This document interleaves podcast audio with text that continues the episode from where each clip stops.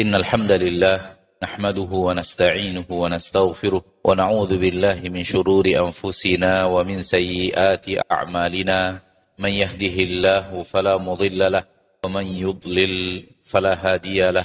أشهد أن لا إله إلا الله وحده لا شريك له وأشهد أن محمدا عبده ورسوله صلى الله عليه وعلى آله وأصحابه صلى الله عليه وعلى آله وأصحابه ومن تبعهم بإحسان إلى يوم الدين وسلم تسليما كثيرا. يا أيها الذين آمنوا اتقوا الله حق تقاته ولا تموتن إلا وأنتم مسلمون.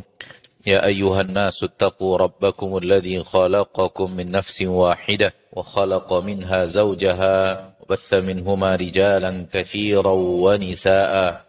واتقوا الله الذي تساءلون به والأرحام إن الله كان عليكم رقيبا. يا أيها الذين آمنوا اتقوا الله وقولوا قولا سديدا. يصلح لكم أعمالكم ويغفر لكم ذنوبكم. ومن يطع الله ورسوله فقد فاز فوزا عظيما. ما بعد فإن أصدق الحديث كتاب الله وخير الهدي هدي محمد صلى الله عليه وسلم. شر الأمور محدثاتها فإن كل محدثة بدعة وكل بدعة ضلالة كل ضلالة في النار.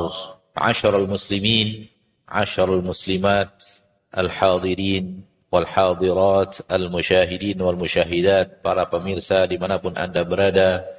Rahimani wa rahimakumullah. Pertama-tama sekali mari kita bersyukur kepada Allah tabaraka wa ta'ala Rob yang telah menciptakan kita. Rob yang kita beribadah hanya kepadanya satu-satunya. Kepadanya kita ruku dan sujud. Kepadanya kita bertawakal. Kepadanya kita memanjatkan doa. Kepadanya kita minta perlindungan dari mara bahaya. Kepadanya kita meminta apa pun manfaat untuk hidup kita telah mengumpulkan kita di salah satu tempat terbaik di permukaan bumi yaitu masjid. Karena tempat terbaik di permukaan bumi adalah masjid-masjidnya. Sebagaimana dikatakan oleh Nabi kita tercinta Muhammad sallallahu alaihi wasallam, khairu biqa'il ardi masajiduha. Sebaik-baik belahan bumi, sebaik-baik kaplingan di permukaan bumi, sebaik-baik tanah di permukaan bumi adalah masjid-masjidnya.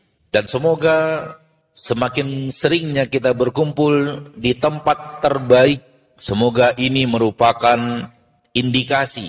Kita mengatakan semoga tidak ada kepastian, namun penuh dengan harapan.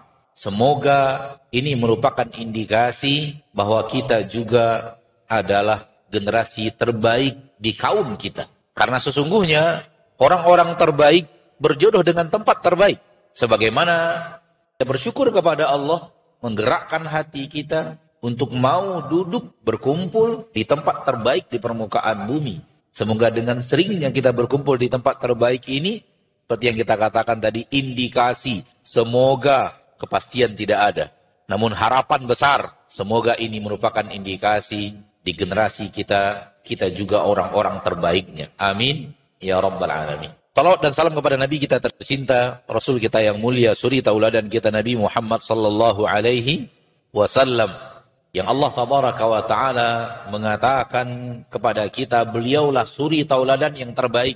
Laqad kana lakum fi Rasulillahi uswatun hasanah. Sungguh untuk kalian pada Rasulullah sallallahu alaihi wasallam Nabi kita yang mulia Muhammad bin Abdullah sallallahu alaihi wasallam, suri tauladan terbaik. Saya yakin dan percaya semua kita yang hadir di majlis ini sekarang ini sepakat akan itu. Sepakat bahwa suri tauladan terbaik adalah Rasul kita tercinta Muhammad sallallahu alaihi wasallam.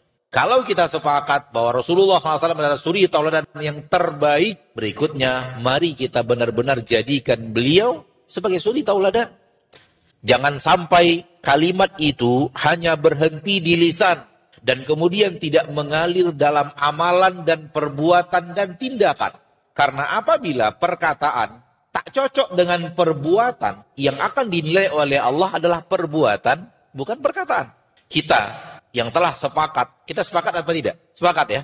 Atau ada yang tidak sepakat mungkin angkat tangan silakan. Ustaz, saya nggak sepakat. Bukan Rasulullah suri yang terbaik. Ada suri yang lebih baik daripada Rasulullah Muhammad sallallahu alaihi wasallam. Siapa? Ya, sebut saja siapa gitu. Dia lebih baik daripada Rasulullah sallallahu alaihi wasallam untuk jadikan suri teladan. Ada? Silakan. Kita buka diskusi. Bila perlu kita diskusi itu sampai selesai kajian. Nggak ada ya, sepakat ya, sepakat. Kalau kita sepakat, maka saya mengajak diri saya sendiri, kita semua yang hadir, saudara-saudariku kaum muslimin dan muslimat yang mendengarkan tausiah ini di mana pun Anda berada, baik sekarang atau di masa yang akan datang, mari jangan jadikan itu hanya berhenti di lisan dan tidak terwujud di dalam amal perbuatan. Karena ketika lisan kita berbeda dengan amal kita, yang Allah akan nilai, yang akan dinilai oleh Allah adalah amal itu, bukan perkataan. Hati-hati, hati-hati dengan jebakan iblis. Di saat lisan kita mengakui Rasulullah suri tauladan terbaik, beliau adalah suri tauladan terbaik, beliau adalah orang yang kita cintai, beliau adalah orang yang yang kita muliakan, itu hanya berhenti di lisan. Dan kemudian iblis memberikan kipas-kipasnya di dalam hati. Engkau adalah umat Rasul, engkau adalah pengikut Rasul, engkau adalah pengikut setia Rasul, engkau padahal berhenti di lisan. Cukup. Karena Allah tabaraka wa taala menyuruh siapa pun yang cinta Rasul untuk ikut dan patuh kepada Rasul itu. Salah satu bukti cinta itu benar dan tulus adalah mengikuti keinginan orang yang dicintai. Melaksanakan keinginan orang yang dicintai. Itu salah satu bukti apa? Bukti bahwa cinta itu benar. Cinta itu tidak palsu. Tapi kalau lisan kita menyatakan cinta, perbuatan kita penuh dengan penentangan, maka dikhawatirkan kalimat cinta itu hanya bujuk rayu iblis. Agar kita tenang, kita umat Rasul, kita tenang, kita pengikut Rasul, kita tenang padahal amal kita tidak melakukan perbuatan sesuai dengan ucapan itu. Semoga berkumpulnya kita di sini sebagai bukti bahwa kita ingin mengikuti Rasul kita tercinta Muhammad sallallahu alaihi wasallam. Bapak dan Ibu kaum muslimin wal muslimat, al-hadirin wal hadirat rahimani wa rahimakumullah. Ada manusia di permukaan bumi asal dia berakal, asal dia normal, bukan orang yang hilang akal, bukan orang gila. Tak ada manusia di permukaan bumi ini yang tidak mengejar yang namanya bahagia. Itu nggak ada. Semua manusia tanpa terkecuali, mau tinggal di kota ataupun di desa, dia ataupun wanita, pejabat ataupun rakyat biasa, mau tua ataupun masih muda belia, semuanya mengejar apa? Mengejar kebahagiaan. Ini tanda bahwa kebahagiaan itu adalah hal yang sangat teramat penting dalam hidup. Terbukti semua orang mengejarnya. Bahkan tak peduli agama. Mau muslim, mau tidak muslim, apa pun agamanya. Mereka semua mengejar yang namanya apa? Bahagia. Dan ini bukti bahwa kebahagiaan itu adalah kebutuhan seluruh manusia. Semua manusia berlomba, berlomba, berlomba, berlomba mengejarnya. Semua manusia berjibaku, berjibaku, berjibaku untuk mewujudkannya. Untuk mendapatkannya. Pahamlah kita bahwa kebahagiaan itu hal yang sangat teramat apa? Teramat penting. Bahkan tidak peduli agama. Semua semua orang apa pun agamanya mengejar. Semua generasi lintas negara, semua generasi manusia, semua mengejar kebahagiaan. Pertanda bahwa kebahagiaan itu sesuatu yang sangat dibutuhkan dalam kehidupan manusia. Kalau itu sesuatu yang sangat dibutuhkan, sesuatu yang sangat penting dalam hidup manusia, saya ingin bertanya, mungkinkah Allah wa taala tidak membahasnya di dalam Al-Qur'an? Mungkinkah Nabi kita tercinta Muhammad sallallahu alaihi wasallam tidak mengajarkannya kepada kita. Agama Allah yang kita yang kita cintai ini, syariat Nabi kita tercinta sallallahu alaihi wasallam yang kita cintai ini mengajarkan kepada kita hal yang jauh lebih remeh daripada itu. Tidak ada yang remeh dalam agama Allah, namun tingkat kepentingan berjenjang dan bervariasi. Bukankah di dalam agama Allah, bukankah di dalam sunnah Rasulullah SAW, Rasulullah mengajarkan bagaimana cara pasang sendal? Mana yang lebih penting? pasang sendal atau mengejar kebahagiaan? Bukankah di dalam agama Allah yang mulia diajarkan bagaimana cara mengangkat makanan dari bawah ke mulut? Bagaimana cara mengangkat minuman dari gelas di bawah ke mulut? Diajarkan atau tidak? Diajarkan. Bagaimana caranya? Makan dan minum pakai tangan apa? Tangan kanan. Perintah Nabi SAW dalam hadis yang sahih. Idza akala ahadukum falyakul biyamini wa idza syariba falyashrab biyamini fa inna syaitana yakulu bishimalihi wa yashrabu bishimalihi. Apabila kalian makan, makanlah dengan tangan kanan. Apabila kalian minum, minumlah dengan tangan kanan. Karena syaitan makan, minum pakai tangan kiri. Diajarkan di dalam agama Allah yang mulia ini. Kita kalau makan pakai tangan apa? Kanan. Minum, kanan juga. Ada yang kiri nggak? Ada nggak yang sampai sekarang masih minum pakai tangan kiri? Yang hadir di majelis ini aja, kita nggak bicara orang lain, tak usah. Yang tidak hadir kita tidak bicarakan. Yang yang hadir di majelis ini saja. Kita masih minum nggak pakai tangan kiri? Kalau kita masih minum pakai tangan kiri, berarti dalam minum kita tidak mengikuti Nabi kita tercinta Muhammad Sallallahu Alaihi Wasallam. Rasul mengatakan makan pakai tangan kanan, minum pakai tangan kanan. Karena syaitan makan dan minum pakai tangan kiri. Maka kalau kita makan pakai tangan kanan, minum pakai tangan kanan, kita orang yang manusia yang beriman. Kalau makannya pakai tangan kiri, minum pakai tangan kiri, syaitan. Lalu kalau makannya pakai tangan kanan, minum pakai tangan kiri, setengah-setengah. Saya ingin mengatakan bahwa soal mengangkat gelas ke mulut saja hal yang dibahas dalam agama Allah. Soal kepentingan lebih penting meraih dan mencari kebahagiaan. Walaupun ini bukan tidak penting. Penting. Semua agama Allah tak ada yang tidak penting. Namun derjatnya berbeda-beda. Namun derjatnya apa? Berbeda-beda. Kalau masalah pasang sendal diajarkan. Kalau masalah minum diajarkan. Kalau masalah pasang baju diajarkan. Kalau masalah bercermin diajarkan. Kalau masalah mau keluar rumah diajarkan. Apa mungkin agama Allah melupakan mengajarkan bagaimana cara mengejar kebahagiaan? mustahil. Mustahil mengejar kebahagiaan itu lebih rendah derajatnya dibanding memakai sendal. Mustahil mengejar kebahagiaan itu posisinya lebih rendah daripada sekedar bagaimana keluar rumah. Maka pasti di dalam agama Allah, di dalam Al-Quran, di dalam hadis Rasulullah SAW ada bahasan tentang tentang itu. Pasti ada. Kalau kita sudah yakin pasti ada, maka pada kesempatan yang berbahagia ini saya ingin mengatakan dan mengajak berbicara dari hati ke hati siapa pun dari kaum muslimin yang ketika ingin mencari kebahagiaan tidak mencarinya di dalam Al-Quran dan hadis. Justru mencarinya di buku-buku karangan orang lain. Bukan di dalam kitab yang Allah turunkan. Bukan di dalam wahyu yang disampaikan oleh Rasulullah SAW. Cari bukunya. Pergi toko buku. Cari Bagaimana cara menjadi manusia bahagia? Bagaimana menciptakan kebahagiaan dalam hidup?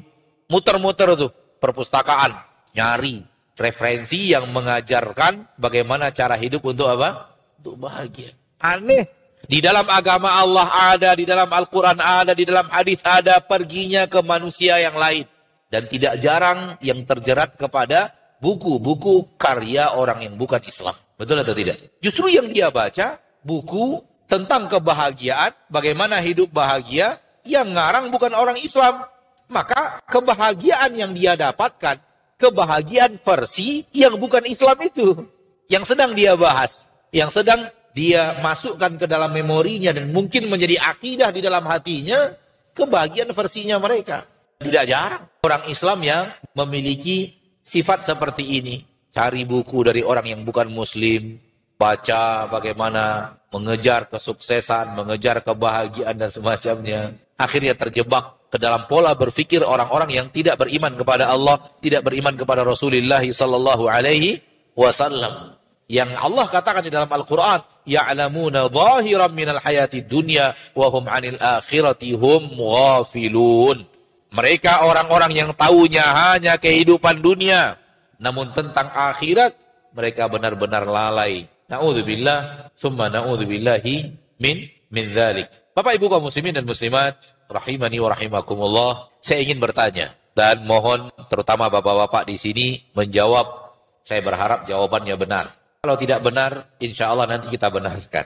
Bahagia itu, bahagia itu urusannya hati atau urusannya jasad. Bahagia itu kerjaannya hati atau kerjaannya jasmani? Jawab, hati. Yakin? Benar jawabannya. Bahagia itu pekerjaan hati. Bahagia itu letaknya dalam hati, bukan dalam jasad. Bahagia itu amalnya hati, bukan amalnya jasmani.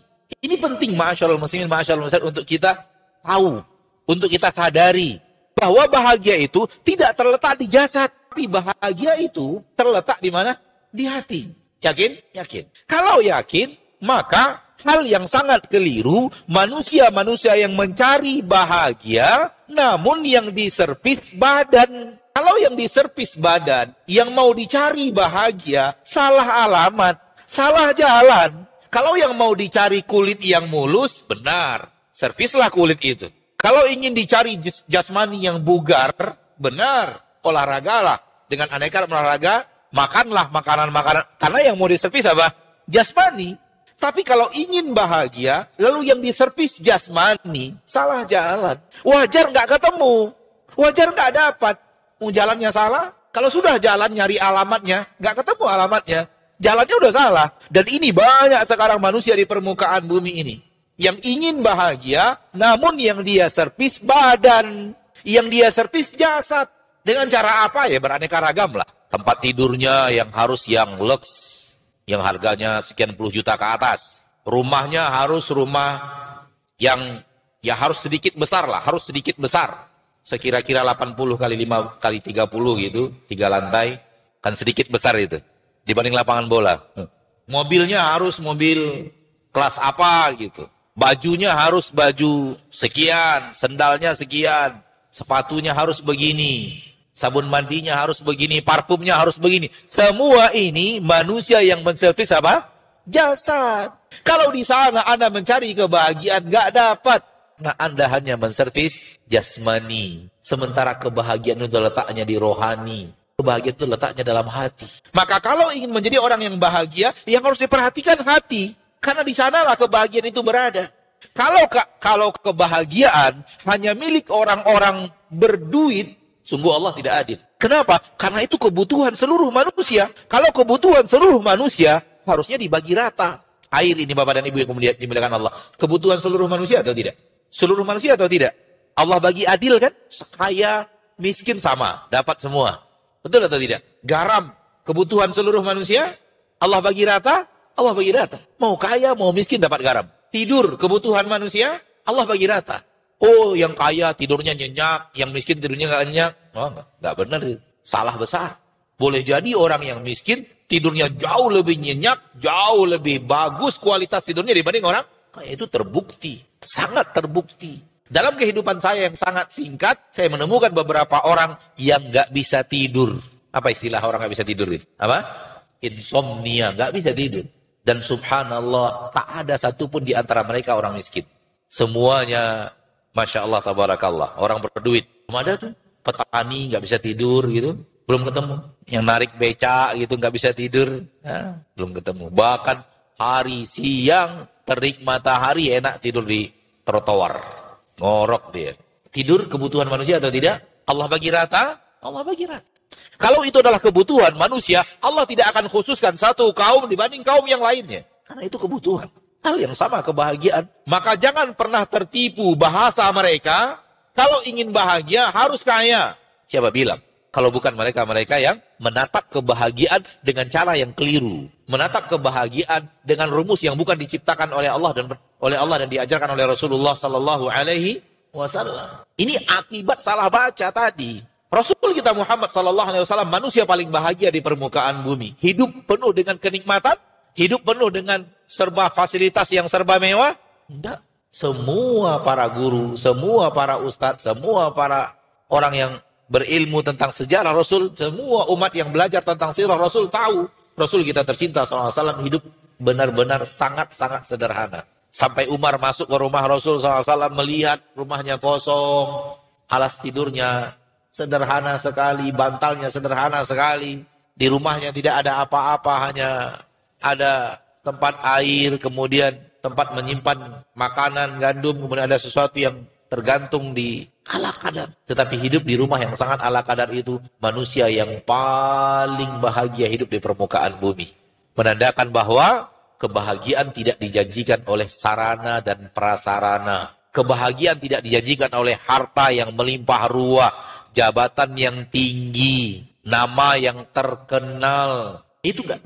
Maka ketika manusia tertipu dengan hal yang seperti dan alangkah banyaknya yang seperti itu tertipu dengan prinsip ini, dia mengira bahwa kalau sudah punya harta banyak, baru kemudian dia bisa jadi orang bahagia. Kalau sudah punya jabatan tinggi, baru kemudian akan menjadi orang yang bahagia. Kalau kemudian sudah sukses dalam dunia apa pun, sehingga terkenal, ternama, menjadi orang yang dikenal di mana-mana, menjadi orang yang ter, tersohor, baru akan menjadi orang bahagia. Akhirnya hidupnya untuk mengejar hal tersebut.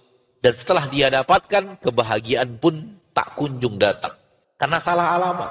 Hati para kaula muda, terutama para pemuda ini, yang sering dijadikan target untuk memandang bahwa harta, tahta, nama adalah syarat menjadi manusia bahagia.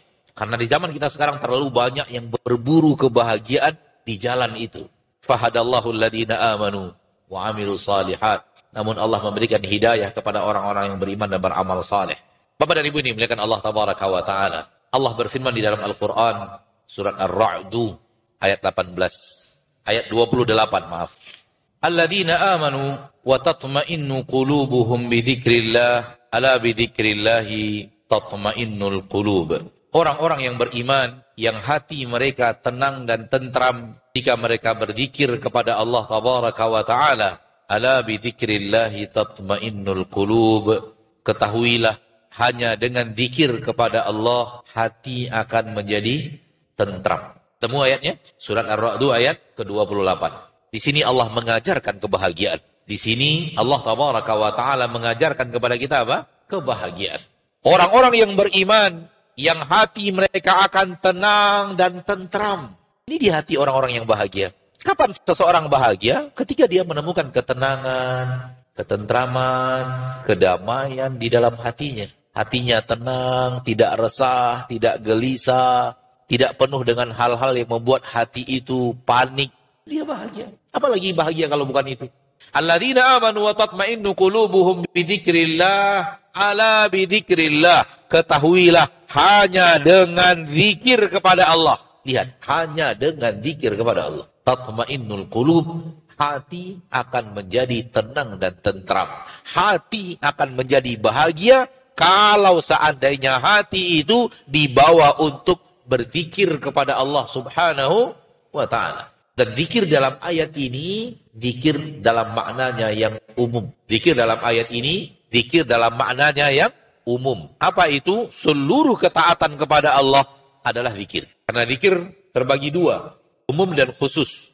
Umum adalah seluruh ketaatan, seluruh yang dicintai dan diridhoi oleh Allah Taala adalah zikir kepada Allah. Sebagaimana Allah berfirman di dalam Al-Quran surat Taha wa aqimis salata li dhikri dan dirikan salat dalam rangka zikir kepada aku. Seperti yang Allah katakan di dalam surat Ali Imran, alladzina yadhkuruna Allah qiyaman wa qu'udan wa ala junubihim yang berzikir kepada Allah ketika berdiri, ketika duduk, ketika berbaring. Zikir di sini dalam makna yang umum, yaitu seluruh ketaatan. Ketika berdiri kita melakukan ketaatan, ketika duduk di atas ketaatan, berbaring pun untuk melakukan sebuah ke ketaatan kepada Allah Subhanahu wa taala, apa pun jenis ketaatan itu. Dan ada zikir dalam makna yang umum, ya, dalam makna yang khusus, yaitu zikir lisan, tasbih, takbir, tahmid, tahlil, hauqalah, la haula wa la quwata illa billah, hamdalah, alhamdulillah, istirja, inna lillahi wa inna ilaihi raji'un, ini zikir dalam makna yang khusus yaitu zikir diucapkan oleh oleh lisan. Alladzina amanu wa tatma'innu qulubuhum bi dzikrillahi ala bi dzikrillahi tatma'innul qulub. Orang-orang yang beriman yang hati mereka akan tenang dan tentram di saat mereka beribadah kepada Allah, di saat mereka melakukan ketaatan kepada Allah, di saat mereka berzikir kepada Allah dengan aneka ragam zikir. Lalu kemudian Allah katakan dan Allah yang menciptakan hati kita. Ala bidzikrillahi tatmainnul qulub. Ketahuilah hanya dengan zikir kepada Allah inilah hati kalian bisa menjadi tentram, damai, tenang, bahagia, enak, nikmat. Dalam ayat ini tegas. Pencipta hati manusia. Yang ciptakan hati kita siapa? Allah. Pencipta hati kita mengatakan, hanya dengan zikir kepadaku, hatimu bisa tenang dan tentram. Hatimu bisa damai. Hatimu bisa teduh. Hatimu bisa bahagia. Hanya dengan zikir kepadaku. Sekarang kita tinggalkan zikir itu. Kita tinggalkan sholat. Kita tinggalkan berkata jujur. Kita tinggalkan amar ma'ruf nahi mungkar. Kita tinggalkan duduk menuntut ilmu, menimba ilmu. Kita tinggalkan membaca Al-Quran. Banyak manusia, kita yang saya maksud manusia secara umum. Lalu dia pergi kepada mencari harta, mengejar tahta dan Toyota. Duduk di tempat-tempat maksiat, minum minuman yang terlarang, membicarakan pembicaraan ghibah dan namimah. Kapan dia akan mendapatkan kebahagiaan di jalan itu? Kapan hatinya akan tenang dan tentram di jalan itu? Tak nyambung. Yang mau dicari ketentraman hati, yang dilakukan jalur yang berbeda. Dan ini akibat apa? Akibat mencari kebahagiaan di jalan yang salah. Karena apa? Bacaannya keliru. Hal yang mirip dengannya di dalam firman Allah Tabaraka wa Ta'ala di dalam Al-Quran surat An-Nahl ayat 97. Allah berfirman, Man amila salihan min dhakarin au untha wa huwa mu'min falanuhyiyannahu hayatan tayyibah. Barang siapa yang beramal saleh, baik laki-laki ataupun wanita, wahwa mukmin dan dia beriman. Anggota badannya melakukan amal saleh, hatinya beriman kepada Allah tabaraka wa taala, maka lengkap kedua-duanya. Hati beriman, amal saleh melakukan ketaatan kepada Allah tabaraka wa taala, maka Allah berjanji falanuhyiyannahu hayatan thayyibah maka kami akan hidupkan dia dalam kehidupan yang sangat enak dan nikmat. Kami hidupkan dia dalam kehidupan yang nyaman. Kami hidupkan dia dalam kehidupan yang indah, damai, tentram, lezat, bahagia. Syaratnya apa? Iman dan amal soleh. Jadikan hati-hati orang yang beriman, jadikan anggota badan untuk melakukan ketaatan dalam anggota badan itu kepada Allah Subhanahu wa taala. Mirip dengan yang tadi beriman dan berzikir kepada Allah Subhanahu wa taala. Mirip dengannya firman Allah di dalam Al-Qur'an surah Al-An'am ayat 125. "May yuridillahu ayyahdiyahu yashrah sadrahu lil Islam." Maka orang yang Allah ingin berikan kepadanya hidayah, orang yang Allah akan berikan kepadanya hidayah, yashrah sadrahu. Allah akan lapangkan dadanya lil Islam untuk agama Islam. Menerimanya, mengamalkannya. Kamu lihat di dalam ayat ini Allah menggunakan kalimat melapangkan dada. Jiwa yang lapang, jiwa yang damai, jiwa yang tentram, jiwa yang bahagia. Lihat letaknya di dalam hati. Wa may yurid an yudillahu dan barang siapa yang Allah ingin sesatkan yaj'al sadrahu dayyiqa. Allah jadikan dadanya sempit, gak lapang. Dada itu sesak, harajan, galau, gak nyaman. Kapan? Kalau salah jalur. Kalau tidak mencarinya di jalan hidayah, mencarinya di dalam amalan-amalan yang dalam agama kita batil, sesat, tak boleh dikerjakan Itu yang dikerjakan, dada akan sempit. Penuh ketidaknyamanan, hilang kebahagiaan. Dalam hadis yang sahih, Rasulullah SAW bersabda, فَإِنَّ مَا عِنْدَ اللَّهِ لَا تُنَالُ بِمَعْصِيَتِهِ sesuatu yang ada di sisi Allah tak bisa diambil dengan cara maksiat kepadanya. Sesuatu yang ada di sisi Allah tak boleh, tak akan bisa diraih dengan cara maksiat kepada Allah. Dan yang menjadikan hati itu lapang adalah Allah. Yang menurunkan kebahagiaan di dalam hati adalah Allah. Yang menjadikan hati itu damai dan tentram, yang menjadikan kehidupan menjadi kehidupan yang aman, nyaman, tentram, bahagia adalah Allah dan apa yang ada di sisi Allah tak bisa diraih dengan cara berbuat maksiat kepada Allah Subhanahu wa taala.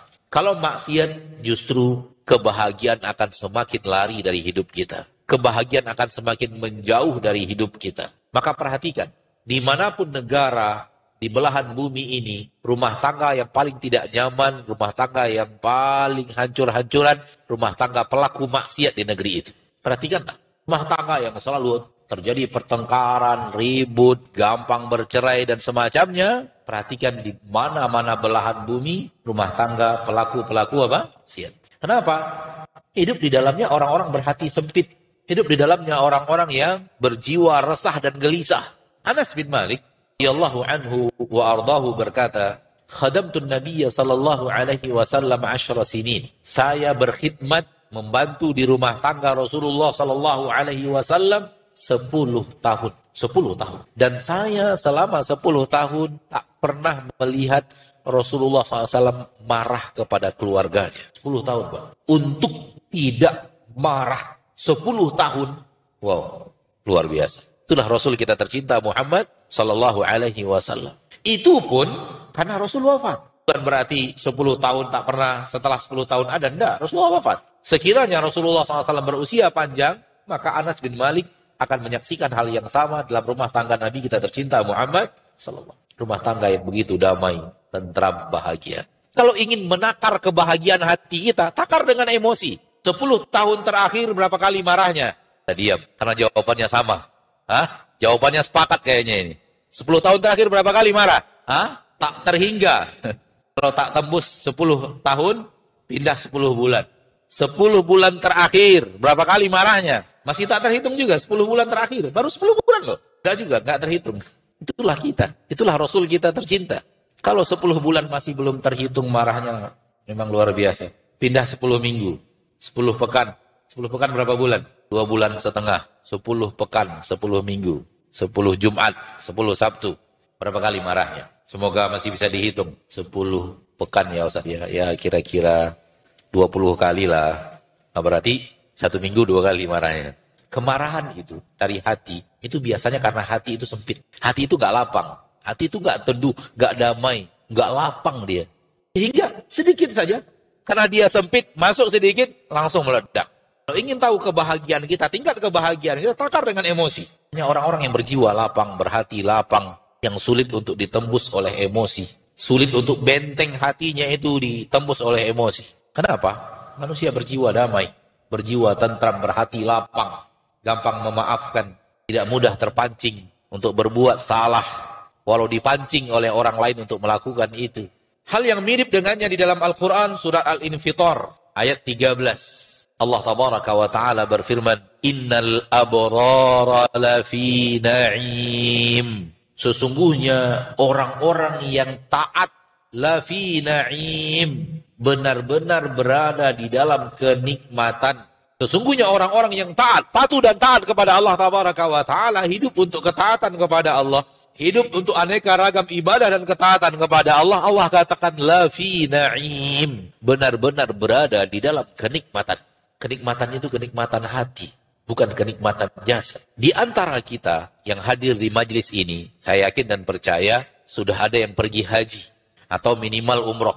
Di haji itu yang kita servis hati kita. Atau di umroh, tapi umroh terlalu singkat. Namun haji lebih terasa. Yang kita servis adalah apa?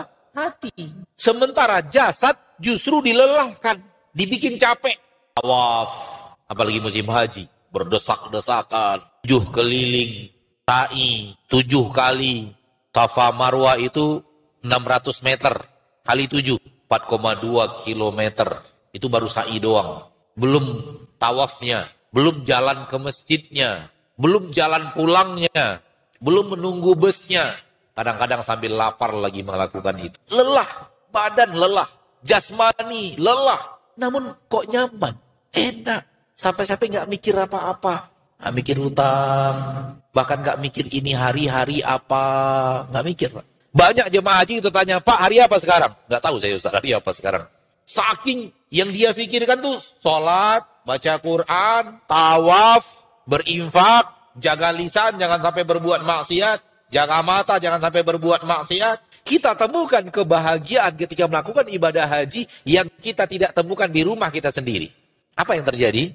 Yang terjadi kebahagiaan masuk dalam hati melalui aneka ragam ibadah dan ketaatan yang kita lakukan. Bapak Ibu yang dimuliakan Allah. Kalau ingin menjadi orang yang bahagia, lakukan aneka ragam ibadah dan ketaatan kepada Allah dengan penuh keikhlasan. Karena di situlah Allah sembunyikan kebahagiaan. Allah menyembunyikan kebahagiaan di balik ibadah. Maka yang mencarinya di balik harta, nggak bertemu. Yang mencarinya di balik tahta kejauhan. Yang mencarinya di balik maksiat, salah alamat. Karena Allah meletakkan kebahagiaan itu di balik ketaatan. Tiga tahajud, subhanallah. Apalagi tahajud. Akan membawa kedamaian yang luar biasa di dalam hati seorang hamba. Rasulullah SAW bersabda dalam sebuah hadis riwayat Imam Muslim. Apabila seorang hamba akan tidur, itu syaitan memantra-mantrainya dan membuat pintalan sebanyak tiga kali. Dia berkata, alaika laylun tawil farqud. Lalu dia membuat ikatan, sihir. Sihirnya syaitan. Setiap seorang hamba akan tidur di malam hari, tiga kali syaitan lakukan itu kepadanya. Hendaknya kamu tidur panjang malam ini. Tidurlah dengan nyaman. Ikat Satu kali, dua kali, tiga kali. Apabila hamba itu terbangun dan zikir kepada Allah, terbuka buhulan pertama. Apabila hamba itu terbangun, kata Nabi SAW, lalu dia zikir kepada Allah. Ingat Allah dan zikir kepada Allah. Terbangun dia, lalu dia ingat Allah, lalu dia baca apa? Alhamdulillah, ahyani ba'da ma'amatani wa Terbuka pintalan pertama. Buhulan setan pertama terbuka. Apabila dia bangkit lalu berwuduk, kata Nabi, terbuka buhulan kedua. Apabila dia sholat, terbuka bulan ketiga. Kalau sudah terbuka ke bulan ketiga, terbuka ketiga-tiga bulan syaitan, hari itu dia hidup dengan jiwa yang nyaman dan rajin. Kalau tidak, hari itu dia akan hidup dengan jiwa yang tidak baik dan malas. Lihat faedah sholat malam. Memberikan kebahagiaan pada hari ini apabila tadi malam bangun untuk sholat malam. Ingin hari ini bahagia, sholat malam. Ingin besok bahagia, nanti malam sholat malam ingin besoknya lagi bahagia, sholat malam. Memberikan kebahagiaan. Karena malam itu waktu yang spesial untuk beribadah kepada Allah subhanahu wa ta'ala. Hadis Nabi, riwayat Imam Muslim juga dari Abu Hurairah, radhiyallahu ta'ala anhu wa ardahu. Rasulullah SAW bersabda, Unzuru ila man huwa asfala minkum, wa la tanzuru ila man huwa fauqakum. Selalulah lihat orang yang di bawah kalian, jangan lihat orang yang di atas kalian. Di sini Rasul menyuruh kita melakukan ini agar kita bahagia. Metoda hidup orang yang ingin bahagia, dia tidak melihat ke atas. Tapi dia selalu melihatnya ke mana? Ke bawah. Dari sisi duniawi, dia tidak melihat ke atas. Dia tidak melihat orang yang hartanya lebih daripada dia. Dia tidak melihat orang yang pangkatnya lebih tinggi daripada dia. Dia tidak melihat ke atas. Tapi dia melihatnya ke mana? Ke bawah. Kalau rajin mengamalkan hadis Nabi itu, hidup ini tenang dan tentram. Nyaman, Kenapa? Karena kita akan sering bertemu, akan sering kelihatan, akan sering nampak orang yang di bawah kita. Sehingga kita merasa, ya Allah kau memberikan nikmat yang sangat banyak kepada. Maka latih mata untuk selalu melihat ke mana? Ke bawah. Subhanallah ya. Mata yang ada di kepala kita ini, Allah sudah tabiatkan, dia baru nyaman kalau dilihat ke bawah. Kalau lihat ke atas terus pegel. Betul tidak? Mata yang ada di kepala ini. Enaknya kalau lihat ke mana? Bawah. Tadi mau lihat ke atas terus. Gak nyaman. Berat, susah, rumit, pegel, gak nyaman. Demikian juga hati. Dalam masalah dunia, perintah Nabi SAW jangan lihat ke atas. Lihat ke bawah. Kalau Anda sehat, lihat orang sakit. Kalau Anda tidak lumpuh, lihat orang lumpuh. Kalau Anda mampu melihat, lihat orang buta. Kalau Anda punya organ tubuh lengkap, lihat orang yang organ tubuhnya buntung. Kalau Anda sudah punya istri, lihat orang yang belum punya istri. Sudah punya anak, lihat orang yang belum punya anak. Dan begitu seterusnya. Kenapa kita disuruh untuk rajin-rajin melihat orang sakit? Tujuannya untuk itu. Kenapa kita disuruh mengantarkan jenazah ke pemakaman? Salah satu tujuannya untuk itu. Rasulullah SAW bersabda dalam hadis yang sahih Imam Bukhari dan Muslim dari Abdullah bin Amr bin As, Al-Muslimu man salim al-muslimuna min lisanihi wa yadih. Orang muslim yang benar-benar muslim adalah orang muslim yang selamat orang lain dari keburukan lisannya dan keburukan tangannya. Kalau kita hidup dengan hadis ini, hidup kita akan tenang, tentram, nyaman. Kenapa? Kita tidak ingin memberikan kezoliman kepada orang lain. Kita ingin orang lain tak ada yang terganggu dengan lisan kita. Kita ingin orang lain tak ada yang terganggu dengan perbuatan kita. Hidup dengan cara seperti ini akan mendatangkan kehidupan yang luar biasa nyaman. Hidup tak ada musuh. Hidup tak ada sengketa. Hidup damai bersama siapa pun yang bersama kita. Kenapa? Kita hidup dengan metode yang diajarkan Nabi SAW. Lisan kita tak mau kita sakiti orang lain. Tangan kita dan perbuatan kita tak mau sakiti orang lain. Jadi beraneka yang diajarkan oleh Allah dan Rasulnya di dalam Al-Quran dan Hadis, semua ini akan mengarahkan kepada kehidupan yang nyaman, kehidupan yang tentram, kehidupan yang bahagia, kehidupan yang lezat. Andai kita mengerti, andai kita faham, andai kita mengamalkannya. Karena semua ini bahagian daripada ketaatan kepada Allah dan dibalik ketaatan kepada Allah itu Allah sembunyikan kebahagiaan. Sehingga kita kita raih dengan Salat kita raih dengan membaca Al-Quran, kita raih dengan berzikir secara lisan, kita raih dengan berbakti, kita raih dengan peduli kepada sesama, kita raih dengan menjenguk orang sakit, kita raih dengan beraneka ragam ibadah dan ketaatan. Di situlah kebahagiaan Allah letakkan. Jadi sekali lagi jangan salah jalan, jangan mencari kebahagiaan justru bukan di tempatnya. Gak akan bertemu kebahagiaan. Semoga apa yang bisa kita sampaikan pada kesempatan yang berbahagia ini bermanfaat. Dan semoga kita tahu arah jalan yang akan mengantarkan kita kepada kebahagiaan tersebut dan semoga kita benar-benar berusaha mengejar dan meraihnya. Kalau kita memang ingin menjadi orang bahagia seperti yang diinginkan Allah dan seperti yang diajarkan Rasulullah Sallallahu Alaihi Wasallam. Adapun maksiat memang enak sebentar, namun setelah itu akan datang kegelisahan, jiwa yang sempit, pertengkaran, dan yang lainnya. Jika kita sudah berserah diri kepada Allah, senantiasa berzikir kepada Allah, melakukan ketaatan dengan zikir lisan, namun terkadang hati masih terasa sempit, bagaimana cara mengatasinya Ustaz? Mengatasinya adalah perbaiki ketaatan-ketaatan tadi. Ada kemungkinan ketaatan itu belum pas dengan yang diinginkan Allah dan Rasulnya. Belum selaras dengan cara ibadah yang benar hati belum benar-benar tawakal kepada Allah, masih banyak mengharapkan dunia, berserah dirinya belum pas. Karena kalau sudah benar, pasti Allah akan tenangkan dan tenangkan jiwa kita itu pasti. Kalau ada sesuatu di dalam Al-Quran, bertemu sesuatu dalam kehidupan nyata yang tak sama dengan yang ada di dalam Al-Quran itu, yang patut kita curigai yang mana? Al-Quran atau yang terlihat dalam kenyataan. Ini, ini, ini kaidah penting Bapak dan Ibu kaum muslimin dan muslimat. Di dalam Al-Quran Allah katakan orang yang beribadah kepada Allah, orang yang rajin zikir kepada Allah, rajin taat kepada Allah, jiwanya akan tentram. Dalam pertanyaan ini saya sudah zikir Ustaz, saya sudah berserah diri kepada Allah, tapi hati saya masih sempit. Berarti Al-Quran dengan kenyataan terjadi perbedaan. Yang patut kita curigai yang mana? Apakah kita akan curigai Al-Quran? Kayaknya Al-Quran gak benar nih. Saya sudah zikir, saya sudah rajin sholat, saya sudah berserah diri kepada Allah, namun jiwa saya tak kunjung damai.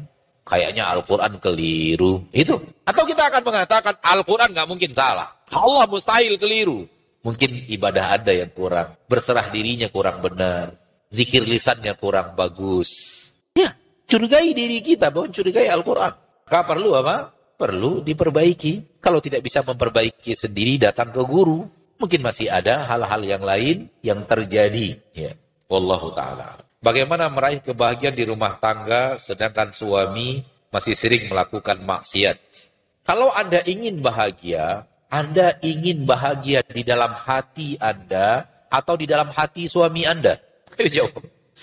Ustadz, bagaimana saya bisa bahagia di rumah tangga? Bahagia di mana tadi letaknya? Hati. Sementara suami saya berbuat maksiat. Yang ingin bahagia di dalam hati Anda atau dalam hati suami Anda? Apa urusannya dengan suami? Enggak. Kebahagiaan di hati kita masing-masing. Sementara yang berbuat maksiat suami. Apa hubungannya? Kalau ingin bahagia, kita akan bisa menjadi bahagia di tengah suami yang berbuat maksiat. Bisa. Karena hati milik masing-masing. Di tengah lelaki yang super bejat, bisa hidup seorang wanita yang super solihah. Bisa? Bisa. Buktinya ada? Ada. Siapa buktinya? Hah? Istrinya Fir'aun. Suami yang Anda keluhkan tadi, Ibu, lebih bejat dari mana dibanding Fir'aun? Hah? Ini ibu yang mengeluhkan tadi dalam pertanyaan ini. Buktinya Asiyah bintu Muzahim hidup dengan penuh ketenangan dan ketentramannya. Padahal suaminya Fir'aun. Masa sih suami Anda belum sejak selevel Fir'aun Anda tidak bisa hidup bahagia? Makanya saya katakan tadi bahwa hati masing-masing kita bawa masing-masing di dalam diri kita masing-masing nggak ada hubungannya dengan orang. Kita ingin bahagia di hati kita tidak terpengaruh dengan perbuatan orang. Dia, dia, saya, saya. Haruskah saya berbicara untuk menasihati? Ya, nasihati. Mas nggak boleh. Ini maksiat. Cintaku maksiat nggak boleh. Masih saja urusan dia dengan Allah bukan urusan kita. Allah taziru waziratu wizra ukhra. Di dalam kaidah penting agama kita, seseorang manusia tidak menanggung perbuatan dosa orang lain. Orang lain berbuat dosa, urusan dia, konsekuensinya dia yang tanggung, kita-kita. Termasuk suami istri. Di tengah suami yang taat, hidup wanita yang tidak taat. Dan Allah tabaraka wa ta'ala telah memberikan contoh-contoh itu kepada kita dan terbukti bahwa Suami urusan suami, istri urusan istri. Walau harus ada saling menasehati, tapi hati masing-masing sehingga bahagia masing-masing. Anda wahai istri tidak mencari bahagia di dalam hati suami. Anda mencari bahagia di hati Anda sendiri. Maka bisa Anda wujudkan biiznillahi azza wa jalla. Orang tua saya sudah meninggal dunia. Jika kuburannya saya berikan batu nisan pakai nama saja, apakah boleh Ustadz? Kalau saya menyampaikan bahwa Rasul yang larang, apakah Bapak atau Ibu masih mau akan mengerjakan? Kalau saya sampaikan bahwa Rasul yang larang, apakah Bapak dan Ibu masih akan mau mengerjakan? Padahal yang larang adalah Rasul. Atau kita akan mengatakan, ya udahlah, walaupun dilarang Rasul saya kerjakan saja. Toh saya bisa baca Quran, cari yang... Enggak begitu hidup seorang Muslim. Kata Jabir bin Abdullah radhiyallahu anhu, naha Rasulullah sallallahu alaihi wasallam an yujassasal qabru wa an yuq'ada alaihi wa an yuktaba alaihi. Rasulullah sallallahu alaihi wasallam melarang kubur itu ditembok-tembok, di semen-semen. Kubur itu didudui, kubur itu dikasih-kasih tulisan di atasnya. Dilarang oleh Rasul. Ustaz, orang lain juga melakukan hal yang sama. Bukankah tadi di awal kita mengatakan sepakat suri tauladan kita adalah Rasul, bukan orang lain. Itu kuburan Pak Ustadz juga dibegitukan sama keluarganya. Suri tauladan kita Rasul apa Pak Ustadz? Tinggal jawab aja. Berani melanggar, berarti bertanggung jawab. Di akhir akan dituntut. Toh kita sudah tahu dilarang oleh Rasul. Sallallahu alaihi wasallam. Ustadz, pengadilan sudah memutuskan dan ketok palu cerai. Tapi suami tidak pernah mengucapkan talak bagaimana status rumah tangga, status rumah tangga sudah bercerai. Karena kalau sudah sampai kepada pengadilan, pengadilan lebih tinggi daripada suami. Begitu yang diatur dalam syariat. Pengadilan statusnya lebih tinggi daripada suami. Maka walau suami belum menjatuhkan talak, namun pengadilan sudah memutuskan cerai, maka rumah tangga sudah sudah putus. Wallahu taala a'la wa alam. Saya ingin menanyakan pengobatan terapi menggunakan batu yang dipanaskan, batu sulfur. Apakah ini termasuk perbuatan syirik? Saya mendapatkan fatwa ulama ini masuk syirik kecil. Masuk ke dalam syirik kecil. Apabila ini diyakini adalah penyebab kesembuhan. Ini masuknya ke dalam syirik kecil, menjadikan sesuatu yang bukan sebab adalah sebab. Namun apabila diyakini batu itu yang menyembuhkan, maksudnya masuknya ke dalam syirik besar. Tapi kalau di keyakinan ini adalah bahagian daripada cara mendapatkan kesembuhan, batu ini punya punya apa namanya? sesuatu yang bisa melancarkan darah dan semacamnya dan semacamnya, maka saya mendapatkan fatwa ini masuknya dalam ke dalam syirik kecil menjadikan sesuatu yang bukan sebab menjadi sebab wallahu alam. Apabila kita ingin merutinkan puasa Daud, apakah boleh? Ketika Rasulullah SAW hidup, Rasulullah membolehkan. Ketika Rasulullah SAW hidup, Rasulullah apa? Membolehkan. Kalau Rasulullah SAW membolehkan, apakah ada hak manusia lain untuk melarangnya? Rasul memboleh. Orang sahabat terdengar oleh Rasul puasa setiap hari. Setiap hari puasa. Kata Nabi, antum puasa setiap hari. Ya, jangan lakukan. Cukup puasa itu tiga kali dalam sebulan. Kata sahabat itu, ya Rasulullah, saya bisa lebih banyak daripada itu. Kenapa harus Tiga kali sekali sebulan. Terus diturunkan sampai kepada puasa satu hari, puasa tidak, dan tak ada yang lebih daripada itu. Nabi mengatakan puasa satu hari, satu hari tidak. Dan tidak ada yang lebih daripada itu. Maka sahabat ini semenjak itu sampai wafat, hari ini puasa, besok tidak. Hari ini puasa, besok tidak. Hari ini puasa, besok tidak. Dapat izin dari Rasul kita tercinta Muhammad Sallallahu Alaihi Wasallam. Maka kalau Rasul mengizinkan, tak ada manusia mana pun yang boleh melarangnya. Wallahu alam bisawab. Saya ingin hijrah secara total, namun lingkungan belum mendukung. Berikan saya kiat-kiatnya Ustaz. Kira-kira negeri kita sekarang ini, dengan masyarakat kita sekarang ini, yang kita keluhkan dalam dalam pertanyaan ini, Muslim yang bersama kita sekarang ini, ya masyarakat kita lah. Masyarakat kita yang ada, yang ada kitanya. Paham yang saya maksud? Yang kita sekarang ini, yang kita rasakan bapak atau ibu yang bertanya Allah alam saya tidak tahu apakah bapak atau ibu yang bertanya ini dan atau kita semuanya mari kita lihat masyarakat kita sekarang ini masyarakat kita sekarang ini lebih masih lebih baik mana masyarakat kita ini atau kafir Quraisy masih lebih baik mana masyarakat kita lebih baik daripada ma masyarakat kafir Quraisy baik Para sahabat Nabi, mereka bisa hijrah di tengah masyarakat yang demikian bobrok? Bisa? Kenapa kita tidak? Oleh karena itu, saya mengatakan jangan salahkan lingkungan, salahkan diri kita. Diri kitanya. Hijrah di hati, hijrah di diri masing-masing. Kenapa kok lingkungan yang disalahkan? Lalu ke mana kita akan mencari lingkungan super bersih seperti yang terjadi ketika Nabi sudah bersama para sahabat di kota Madinah? Mana ke mana mau kita cari sekarang ini? Kalau itu syaratnya, kalau kita baru bisa hijrah dengan baik, mau cari ke mana? Demi Allah, di kota Mekah pun gak kita dapat sekarang. Yang seperti itu ya, yang seperti zaman Rasul hidup bersama para sahabat di kota Madinah, saling santun, saling sayang, saling ingatkan, saling peduli, saling menyayangi, saling menjaga lisan. Maka hijrahmu di dirimu, wahai saudaraku. Bukan di lingkunganmu. Kita adalah kita, apa pun lingkungan itu. Maka kalau kita baik, berada di lingkungan yang tidak baik pun kita akan baik. Namun kalau kitanya yang kurang baik, di lingkungan apa pun ya kita adalah kita. Maka yang harus diurus diri kita, bukan lingkungan. Apalagi hidup di negeri yang seperti ini, Alhamdulillah. Tidak hidup di negeri seperti kafir Quraisy yang dipaksa untuk kembali kepada agama Quraisy, dipaksa untuk melakukan kesyirikan kalau tidak diadab, didera, dipukul, dicambuk, bahkan sebagian dibunuh. Tapi mereka bertahan di dalam ketaatan kepada Allah Subhanahu wa taala. Berarti diri kita yang masih terpengaruh kepada lingkungan. Kesalahan ada pada kita. Lingkungan kita sudah lumayan baik, Masya Allah. Dibanding yang lain-lainnya.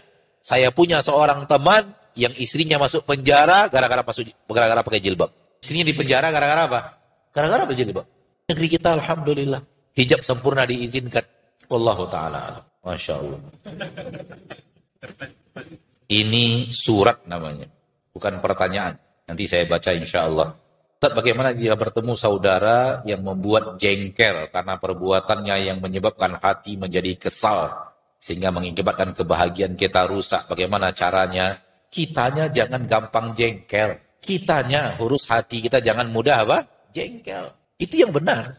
Soal berhadapan dengan manusia, subhanallah. Betapa menjengkelkannya perbuatan orang Quraisy kepada Nabi kita tercinta Muhammad sallallahu alaihi wasallam dihina di depan umum, Mbak. Kita pernah dihina di depan umum, depan orang ramai dihina gitu. Itu yang dialami oleh Rasul kita Muhammad SAW. Itu yang di, dilakukan oleh Nabi, yang diterima oleh Nabi kita perlakuan orang Quraisy di depan umum dihina. Tapi seluruh perbuatan orang Quraisy terhadap Nabi SAW tidak membuat Rasul jengkel. Bahkan Rasul semakin kasihan kepada orang Quraisy, semakin iba kepada mereka. Begini cara kita berhadapan dengan orang yang melakukan kesalahan. Jangan justru kitanya yang terpancing Berdosakah kalau kita tidak bayar pajak mobil? Wallahu alam kalau antum tidak bayar, benar-benar tidak bayar, secara hukum syariat tidak dosa, namun ketangkap. Itu aja udah. Namun mobil auto bahkan ketangkap karena tidak sesuai prosedur negeri ini. Tapi kalau memang antum tidak bayar sama sekali, secara syariat ya, secara syariat bahasanya tidak berdosa. Tidak berdosa.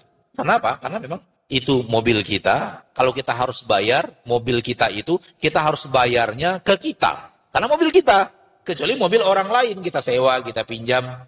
Atau bukan pinjam sewa. Maka kita harus bayar ke yang punya mobil. Kalau mobil itu mobil kita, kalau kita harus bayar, bayar kepada yang punya yang punya mobil. Maka kalau untuk tidak bayar tidak berdosa. Tapi siapa-siapa aja ditangkap. Bolehkah kita tidak menegur teman lama kita? Bolehkah kita tidak menegur teman lama kita? Tidak boleh di dalam agama kita seorang muslim bertemu muslim kemudian saling menghindar. Nggak boleh. Itu nggak boleh sengaja bertemu, yang ini menghindar, yang ini menghindar. Nggak mau bertemu. Nggak. Padahal sudah seharusnya bertemu itu. Seharusnya bertemu. Nah ini menghindar, ini. Nggak boleh, nggak apa Dilarang oleh agama kita. Kita tidak tidak diwajibkan harus akrab dengan dirinya. Tapi juga tidak boleh bertemu, tidak salam, kemudian mau menghindar, nggak boleh juga. Namun tidak wajib menjadikannya kawan dekat yang harus diakrabin. Ya. Muslim ya muslim, ketemu salam, apa kabar, jalan. Wallah. Panjang sudah kita baca, namun sulit kita untuk menjawabnya. Namun sudah kita baca. Sampai di sini pertemuan kita pada kesempatan yang berbahagia ini. Semoga Allah tabaraka wa taala memudahkan kita untuk istiqamah di jalan ketaatan kepada Allah dan semoga Allah tabaraka wa taala memberikan kita taufik untuk melakukan istiqamah itu. Amin. Ya rabbal alamin. Semoga Allah wafatkan kita di atas husnul khatimah dan semoga Allah tabaraka wa taala maafkan dosa-dosa kita di yaumil hisab. Subhanakallahumma wa bihamdika asyhadu an la ilaha illa anta astaghfiruka wa atubu ilaik. Assalamualaikum warahmatullahi wabarakatuh.